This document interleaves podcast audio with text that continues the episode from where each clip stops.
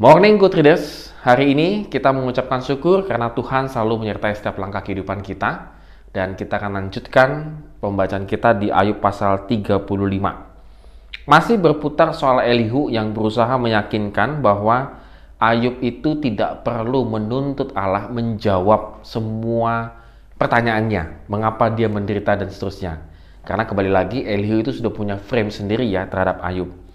Bahwa bagi Elihu di ayat 2 sampai ayat yang ketiga, Ayub uh, Ayub itu punya kata-kata itu saling bertentangan begitu ya. Pemikiran Ayub itu saling bertentangan. Di satu sisi Ayub menyatakan meminta keadilan Allah, di sisi yang lain menganggap Allah tidak peduli akan kesusahannya. Jadi bagi Elihu, "Eh, Ayub, kamu kok kontradiksi gitu ya. Kamu meminta keadilan Tuhan, tapi juga menganggap bahwa Allah tidak peduli dengan kesusahannya." Di ayat yang kelima sampai ayat yang ke-8, Elihu menyatakan tentang adanya jarak antara Allah dan manusia. Jadi, kesalahan atau ketidakbersalahan Ayub tidak dapat mempengaruhi Allah. Tindakan manusia hanya berpengaruh terhadap manusia lainnya.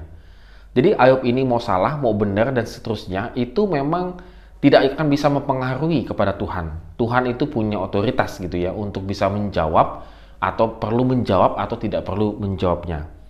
Dan di ayat yang ke-9 sampai dengan ke-13, Eliu nampaknya menyatakan bahwa ketika orang-orang menderita, mereka tidak berseru kepada Tuhan untuk pertolongan. Inilah sebabnya Allah tidak menolong mereka. Jadi ratapan mereka hanyalah tirakan kosong dari sifat yang egois, bukan dari kepercayaan kepada Allah.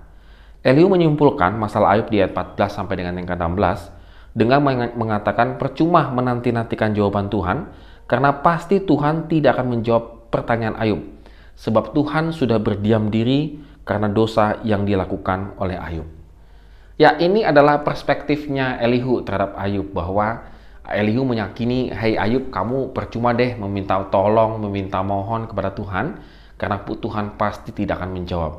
Ya, Gutierrez tentunya tidak demikian ya. Tuhan kita walaupun kita dalam keadaan berdosa, walaupun kita dalam keadaan sedang dalam banyak masalah dan seterusnya, justru kita harus datang kepada Tuhan justru kita harus meminta pertolongan kepada Tuhan. Sebab Tuhan kita adalah Tuhan yang sangat peduli. Tuhan Yesus yang sudah mati atas kayu salib, menebus dosa kita, itu adalah Allah yang peduli.